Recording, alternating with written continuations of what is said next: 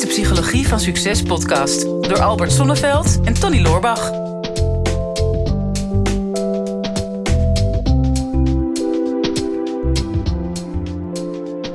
Albert, van harte welkom bij je eigen podcast. Ja man, ik uh, voel me ontzettend vereerd. Ik ben, eindelijk is het er ook van gekomen. We, het plan was ongeveer jaren. al twee jaar of zo, of drie jaar misschien zelfs wel. Ja, we hebben altijd wel geweten, al uh, hoe lang kennen we elkaar? Sinds 2012. Dat er ooit een dag zou komen dat wij uh, iets samen zouden gaan produceren. En vandaag is die magische dag. Ja, ik had nooit begrepen dat met het einde van de Maya-kalender in 2012... dat er iets nieuws zou komen, dat dat, dat dan deze samenwerking zou zijn. Ja, dat, ik denk dat het hier naartoe heeft geleefd allemaal. Ja. Na dit moment voor de Psychologie van Succes podcast de eerste aflevering. Welkom ook uh, luisteraars. Wat wij gaan doen uh, de komende tijd is uh, ja, met de psychologie van succes aan de slag. maar dat zat al een beetje in de naam natuurlijk. Ja. Maar met name om nou eens te gaan kijken naar... Ja, weet je, wat zijn nou die belemmerende gedachten die we allemaal hebben? Of die beperkende overtuigingen? Of de obstakels die we tegenkomen in ons leven als ondernemer... Hè, maar ook, ook als privépersoon natuurlijk... die je hebt om, om echt te gaan groeien. Want ja, succes zit toch vaak tussen de oren... Als ik, eh, als ik jou een beetje mag geloven. Ja, zeker weten. Ja. Nou ja, dat, dat is waar het vaak, wat ik altijd zeg, er is een hele duidelijke analogie tussen uh, ja, jouw eigen persoonlijke groei en de groei van je bedrijf. Dat kun je nooit loszien van elkaar. En dat mhm. zie je op alle gebieden, ook op het gebied van vitaliteit. Ik zeg altijd, het bedrijf is zo gezond als de gezondheid van de ondernemer zelf. Ja, ja, ja dat is een hele belangrijke. Jij bent natuurlijk zelf ook al jaren ondernemer. Uh, en, uh, en ik ook. En uh, we hebben dat door de jaren heen hebben we dat ook gemerkt, hoe belangrijk dat, dat is. En ja, hoe hand in hand dat eigenlijk gaat. En ja, weet je, we kunnen er natuurlijk heel veel over vertellen. Maar dat zal allemaal naar voren gaan komen in deze podcast. Want wat we gaan doen is uh, ja, letterlijk jouw vragen beantwoorden. Dus als je vragen hebt voor mij en Albert als het gaat over de psychologie van succes, stuur ze dan in. Hè. Zoek ons op op uh, LinkedIn of op uh, Instagram. Tony Loorbach, Albert Zonneveld zal niet heel moeilijk te vinden zijn. Stuur ons je vragen en dan kiezen wij er elke uitzending eentje uit waar wij het uh, vervolgens over gaan hebben. En ja, ik stel voor dat we gewoon uh, meteen uh, lekker gaan beginnen. Ja, goed plan. want we hebben een vraag binnengekregen van, van Monique Boesveld.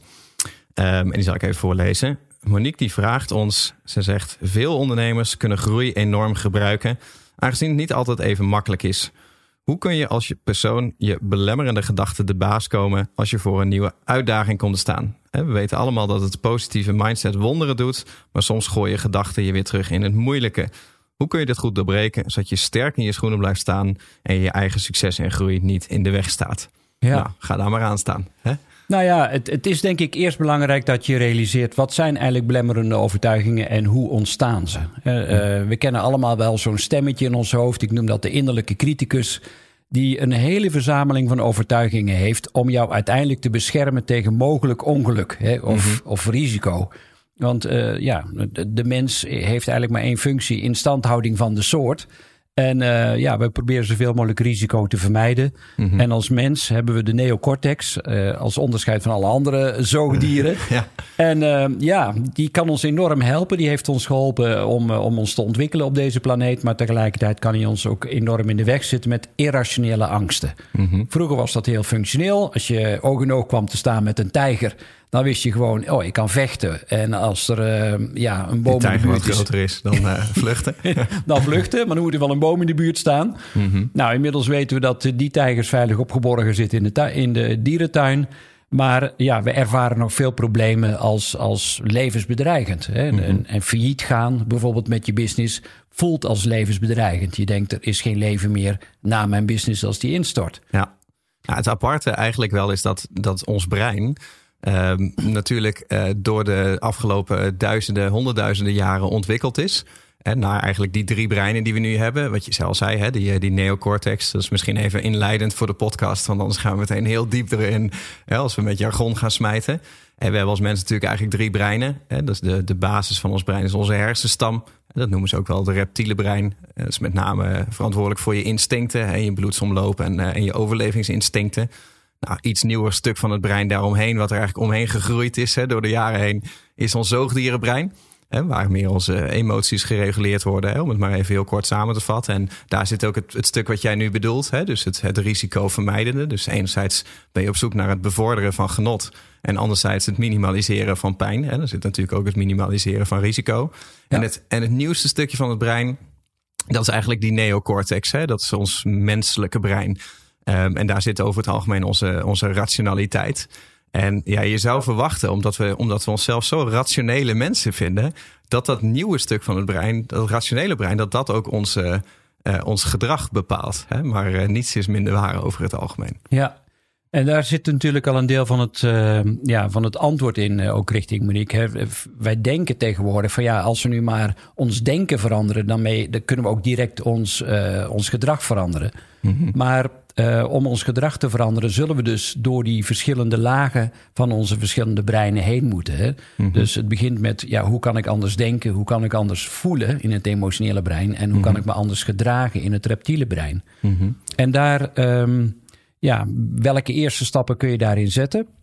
Sowieso is het, is, begint het met bewustwording. Dus dat je gaat snappen welke beperkende overtuiging zit me nu het meest in de weg. Hè? Dus uh, ja, je kunt zoiets hebben van ik ben niet goed genoeg. Of ik heb te weinig gestudeerd. Of ik ben te jong. Of ik ben te oud. Of uh, niemand houdt van mij. Ja. Wel, welke heb jij, uh, Is dat een beperkende overtuiging? Ja, nou ja, voor veel mensen die een relatie willen wel in ieder geval. Ja, ik wilde net zeggen, ik heb geen beperkende overtuigingen. Maar het kan wel zijn dat dat een beperkende overtuiging is. ja, dat dat niet klopt. Ja, ja dus, dus die hebben we allemaal. En uh, het eerste wat je dus doet, is bewust worden van... ja, wat is nou de belangrijkste overtuiging... die mij iedere keer hindert in het ontwikkelen van mijn business? Mm -hmm. En ik, ik noemde even een snel rijtje, maar um, ja, het, het wordt, die overtuigingen worden vaak gevoed door um, diepe liggende angsten. De angst om de controle te verliezen, de angst om niet goed genoeg te zijn, mm -hmm. of de angst voor tekort. Ja. En, en die voeden uiteindelijk uh, ja, die stroom van gedachten. We hebben zo'n 50 gedachten per minuut. Mm -hmm. Dat zijn niet allemaal verschillende gedachten. Nee, bij mannen meestal maar in één ding. maar in één ding, voetbal. ja, precies, wilde ik ook zeggen. maar um, ja, het, op het moment dat je die, die helder hebt, dat is, dat is de eerste stap. Mm -hmm. um, nou, kun jij zelf eens een voorbeeld geven, Tony, van een beperkende gedachte die jij, die jij had, waardoor dat je eigen business misschien langzamer is gegroeid in het begin dan dat je zou willen? Nou, ik wist niet dat dit een overhoring zou worden. Die hadden we ook niet afgesproken. Nee, maar laten we het eens uh, inzichtelijk maken met een eigen praktijk, uh, Kees. Nou, een, een beperkende overtuiging um, voor mij uh, is, is altijd wel controle geweest. Hè? Dat ja. is denk ik ook, uh, dat was mijn primaire vraag. Ook toen ik in 2013 uh, bij jou in, in Rossum aangereden kwam. In de bolide met de vraag: wil je mij eens wat gaan, gaan coachen? Ja. En dat zat er met name op enerzijds de, de, de moeite met loslaten. Um, en daar hoorde natuurlijk ook een, een angst voor controleverlies bij. En ik denk dat, dat heel veel ondernemers die hebben, ja. Ja. ja. Nou ja, ik, voor, mij, en voor mij een hele belangrijke beperkende overtuiging was: ik ben niet goed genoeg. En, en daar zit ook heel veel waarde Snap ik ook wel. Dankjewel. Nee. Ik weet niet hoe lang dat is, een reeks van podcasts. je begint nou al heel vermoeiend te worden. ja. Maar um, ja, dat heeft dus heel veel te maken met waarde. Ik, voor mij, uh, wanneer je de gedachte hebt dat je niet goed genoeg bent... dan heb je al heel snel het gevoel van... ja, kan ik, maar, kan ik wel uh, geld vragen voor de diensten die ik uh, lever? Ja. En um, nou, dat, dat is dus ook zo'n voorbeeld waar veel ondernemers tegenaan lopen. Mm -hmm. uh, en uh, pricing is zo'n ding, wat heel sterk gekoppeld zit aan waarde en daarmee ook aan eigenwaarde. Ja. Ja. Dus, dus dat is de eerste stap. De eerste stap gaat over bewust worden. Mm -hmm. Nou, het tweede is dat je ja, moet gaan zien dat de gedachten die je hebt, je wel absoluut invloed op hebt. En er zijn veel verschillende methodes in de wereld die met name die beperkende gedachten aanpakken. Er is uh, een hele bekende is rationeel emotieve training, mm -hmm. uh, RED, uh, of rationeel emotieve therapie. Ja. Nou, we hebben de methode van Byron Katie. Mm -hmm. Vier vragen die je leven veranderen, is ook zo'n methodiek. veel mensen maken ook gebruik van NLP, neurolinguistisch programmeren. Mm -hmm. En dat zijn allemaal methodieken, en er zijn er nog meer, die in ieder geval helpen om, om jezelf op andere gedachten te brengen. Uh, dus, dus dat is de eerste. Om die innerlijke criticus, dat stemmetje wat steeds maar weer zegt: ja, ik ben niet goed genoeg. Of help, ik heb het niet meer onder controle. Mm -hmm. Om die letterlijk en figuurlijk in een ander perspectief te plaatsen. Ja. Ja, dus eigenlijk is het belangrijk dat je in eerste instantie duidelijk hebt voor jezelf van hè, wat is nou precies je angst. Hè? Dus als je dan nadenkt, en dat is het geval van Monique natuurlijk ook zo van nou, ik heb een, een angst om te groeien, hè, of ik heb de angst om uh, een nieuw deel van mijn business te starten. Of de angst om iets uit te besteden. Hè? Of, de, of nou, eigenlijk alles waarvan je weet van nou, dat is eigenlijk goed voor mij. Dat zou, dat zou groei zijn. En groei geeft ook altijd wat groeipijn. Hè? Ja. Dus eh, hè, als er geen pijn bij zit, dan is het geen groei. Dan is het, eh, dan is het behoud. Ja. En ehm, dan is de vraag van hè, waar, ben je, waar ben je dan precies zo, zo bang voor? En het grappige is, hè, wij hebben het er ook vaak over gehad, hè, over onze aangeboren verliesaversie. Mensen hebben van nature natuurlijk een, een veel grotere angst om iets kwijt te raken, dan dat ze de ambitie hebben om iets te winnen. Ja, Hè, dus, dus, dus zodra we zoiets hebben van, nou, hè, ik, ik twijfel of ik niet ga verliezen, of dat ik iets ga verliezen, dan, dan kruip je meestal terug in je schulp. Hè? Dan ga je voor behoud. Ja. ja, dus dan wordt de vraag van waar ben je nou precies bang voor? Hè? Wat zou er dan precies gaan gebeuren als jij deze stap gaat zetten? En wat ik een beetje heb ervaren bij mezelf, maar ook bij heel veel andere ondernemers, is dat vaak eh, begint het met de angst om te falen. En stel nou dat ik dit bedrijf start, stel nou dat ik dit product online zet, stel nou dat ik dit bedrag ga vragen en ik faal. Mensen willen het niet betalen of ze worden boos of ik word niet succesvol. Wat zouden anderen dan wel niet van mij vinden? En dat is, dat is een, een hele grote angst. Ja, zeker. Maar die gaat, die gaat heel vaak hand in hand met, met de angst voor succes. Van ja, maar stel nou dat het wel lukt. Stel nou dat ze het me wel gaan betalen. Dan moet ik ook ineens leveren. Stel nou dat mijn bedrijf wel groter wordt. Dan ben ik misschien ineens niet meer zo vrij. Of dan heb ik misschien personeel nodig. Of dan krijg ik taken op mijn to-do-lijst die ik niet kan. Want nu doe ik alleen maar dingen die ik al kan. Dus het wordt dan veel, veel veiliger. Stel nou dat ik zo succesvol word dat ik als persoon verander.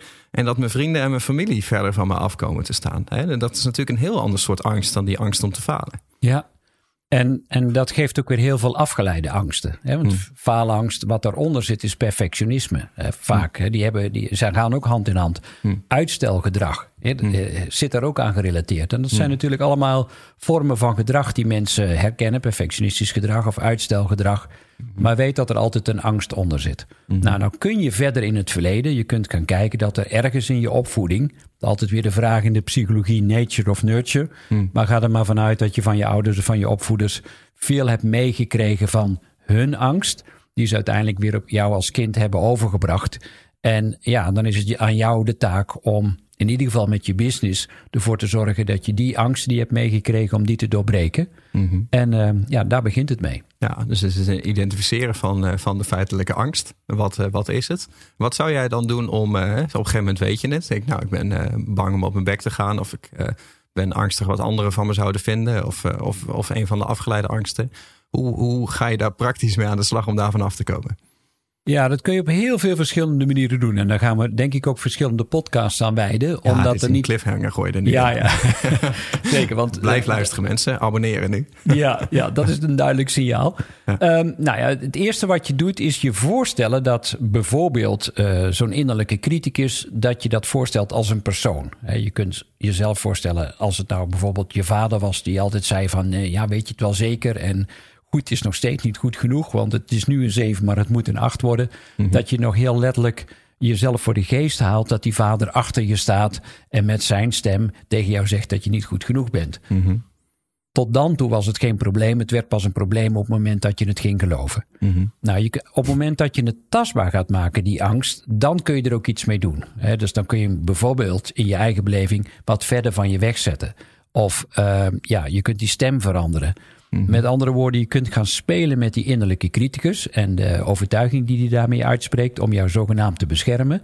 En dan zet je die letterlijk en figuurlijk bijvoorbeeld buiten de ruimte. Of je kunt ook zeggen, fijn dat je me wil beschermen. Maar ik wil een, een, een soort eh, moment in de dag creëren. Bijvoorbeeld tussen vier uur en kwart over vier. Dan mag je even al je angsten uitspreken. maar vanaf half vijf hou je mond dicht. En Ah ja. ik heb dan eh, de dag daarna pas weer spreekuur om vier uur. Mhm. Ja, het is dus een uitlaatklep. En daar, ik neem aan eh, dat je ook zou adviseren om daar andere mensen bij te betrekken. Ja, want het is eh, wat ik altijd zeg heel erg lastig om jezelf aan je eigen haar uit het moeras te trekken. Ja, het kan zijn dat ik die quote een paar keer van jou geleend heb in mijn marketinguiting. Maar ja, dat is zeker niet minder waar. Hè, want veel mensen proberen zelf al denkend eh, uit hun eigen problemen te komen. Maar je hebt altijd iemand van buitenaf nodig die net iets anders naar eh, jouw situatie of naar jouw issue kijkt. Waardoor dat je ook feedback, feedback krijgt om uiteindelijk ook eh, tot ander gedrag te komen. Ja. Ja, en ik denk, want hè, we, vliegen natuurlijk alle kanten op over angsten en de verschillende soorten brein en verliesaversie. En er zijn allemaal al onderwerpen voorbij gekomen waar we uren over zouden kunnen praten. En dat gaan we ook doen, maar eh, in, de, in de andere podcasten. En nu kijken we natuurlijk specifiek naar dat, naar dat stukje van, van die beperkende overtuiging. En ik heb ook altijd wel gemerkt dat, ja, weet je, een beperkende overtuiging, ja, het is bij jezelf ontstaan. Ja, en je gelooft het eh, zelf. Ja. Eh, het wordt heel lastig om jezelf ervan te overtuigen dat je dat niet hoeft te geloven. Ja. Ik heb het in business, heb ik dat ook vaak ervaren, dat op het moment dat ik minder zeker werd over mijn business, hè, als het bijvoorbeeld wat slechter ging, hè, of een, een marketingactie was niet zo goed gegaan, dan dacht ik niet meer terug aan de honderd acties daarvoor die wel goed waren gegaan. Maar dan ging ik nadenken over alle toekomstige acties die waarschijnlijk ook steeds ietsje minder zouden gaan. Hè? Ja. Um, en alle aspecten van business. En dat wordt dan een beperkende overtuiging. En zolang je thuis op de bank gaat zitten om dat in je hoofd proberen bij elkaar te krijgen, om dat op te lossen, ja, dat, gaat, dat gaat hem niet worden. Hè? Want Nee. het ligt buiten jouw referentiekader. En dan wordt het wel heel nuttig om met andere mensen te praten. En gewoon letterlijk die, die beperkende overtuigingen uit te spreken. Van nou, hé, ik ben hier bang voor. Of ik heb de angst dat dit mis zal gaan. Of dat dit zal gaan gebeuren. Wat, wat vind jij daarvan? Ja, nou dat is een hele goede eerste stap. En, en de volgende stap die je dan kunt gaan doen is... eh, op het moment dat je het herkent bij jezelf... ja, dan kom je in die bewust onbekwame fase. Die voelt dan altijd even heel onwennig. Hè? Je, je, je glimlacht, je denkt... oké, dan komt die overtuiging weer, eh, weer aangezeild. Die, die heeft ook een functie, die, die wil je beschermen. Hè? Want anders, als je geen functie meer had... dan had je hem al lang losgelaten. Dus als je dat realiseert en je denkt... oké, hij, heeft, hij heeft een bepaald nut gehad... Maar nu ga ik naar een volgende stap en ik ga een klein stapje zetten, wat groot genoeg is om vooruit te komen, maar klein genoeg is om die amygdala, hè, dat in dat reptiele brein, brein daar vlakbij dat limbisch systeem, Ja. wat jou wil beschermen voor groot gevaar, eh, om, om die een beetje om de tuin te leiden, onder de radar te blijven van die amygdala. En dan een klein stapje te zetten, waardoor dat je in ieder geval positieve neurotransmitters, dus hele fijne stofjes in je brein kan aanmaken, waardoor dat je een goed gevoel krijgt, wat als tegenwicht gaat werken voor de angst die je daarvoor ja, voor je, bij jezelf hebt geconditioneerd. Ja, nou, lijkt, mij een, eh, lijkt mij een hele goede, eh, goed stappenplan. We hebben nu een twee stappenplan. Komt er nog een derde stap bij? Of is dit gewoon eh, wat je nodig hebt om er vanaf te komen? Nou ja, dan de derde stap is wel dat je ook je succes gaat vieren. Hè? Want je wil uiteindelijk, eh, die negatieve overtuiging heeft jou geconditioneerd. Je bent je na gaan gedragen. En wil je nieuw gedrag gaan ontwikkelen, ja, dan moet je dat ook weer gaan conditioneren. Eh, echt in je hoofd moet je het zien als nieuwe neurologische eh, banen die in je brein worden getrokken. Een soort karrespoor wat je maakt voor jezelf. Ja. En ja, dat moet ingetraind worden, zoals je uiteindelijk alles ingetraind hebt.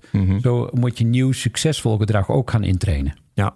Ja, ze hebben daar een mooie term voor. Hè? Ze noemen dat neuroplasticiteit. Ja, Want jij zit allemaal hele slimme dingen te zeggen. En ik gooi er ook even een, ik gooi er ook even een woordje in. Maar Ik ben benieuwd welke overtuiging dat eronder zit. eh, misschien iets met ik ben niet goed genoeg. Ja. Nee, dat, valt, dat valt, valt wel mee. Het is ook geen wedstrijd, hè? Nee, nee, nog Maar niet. als het wel een wedstrijd was, was het niet close. nee, maar ik denk dat dat misschien wel een mooie is om het, om het mee af te ronden. Want eh, ik denk dat we het nog, nog veel zullen hebben over, eh, over de kunst van, van positieve gedrag- gedragsverandering. Ja, Maar het zit hem heel, heel erg natuurlijk in die, in die gewoontes en wat jij zegt, die karrensporen. En neuroplasticiteit, dat is eigenlijk hè, de verzamelnaam voor het, ja, voor het vormen van nieuwe paden. Ja. En eh, het- ik vind het altijd heel geruststellend om eh, te zien dat ergens daadwerkelijk een term voor is. Hè? Dus je, dat jij niet de enige bent die, eh, die hiermee te maken heeft. En als er een term voor is, dan is er meestal ook gewoon een, een route die je kan volgen. Dan is er een, eh, een oplossing voor je probleem. absoluut. En, en weet dat, ehm, ik denk of je nou ondernemer bent of, eh, of niet, dat iedereen natuurlijk hiermee te maken heeft. En misschien ondernemers nog wel meer, want die zijn constant natuurlijk op de voorgrond met hun business om nieuwe stappen vooruit te maken. En die vinden ook dat ze stappen vooruit moeten maken. Want stilstand is achteruitgang in ondernemerschap. Dus je legt jezelf dan natuurlijk zoveel druk op om te, om te moeten blijven presteren. Ja, en dan worden die beperkende overtuigingen worden gewoon op een gegeven moment natuurlijk echt je vijand. Ja.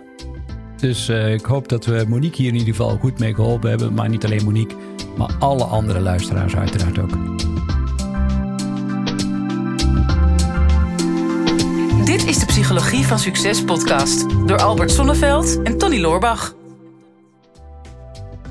Ja, beste luisteraars, dat was hem alweer voor vandaag. Weer een aflevering voorbij van eh, de psychologie van succes. Ik hoop dat je het waardevol hebt gevonden.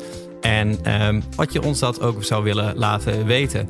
Uh, mocht je nog niet geabonneerd zijn op onze podcast, doe dat dan even. En wat we heel erg tof zouden vinden, is als je ook even een review zou willen achterlaten. We vinden het natuurlijk heel leuk om te horen van jou wat je van de podcast vond, welke inzichten je eruit hebt gehaald en om dat natuurlijk in de review-sectie terug te gaan lezen. Heb je nou een vraag en je zou graag met jouw vraag in de uitzending willen komen? Stel hem dan op eh, de social media. Onze kanalen zijn vooral LinkedIn en natuurlijk Instagram. De beste vragen pakken we eruit en grote kans dat je dan terugkomt in deze podcast.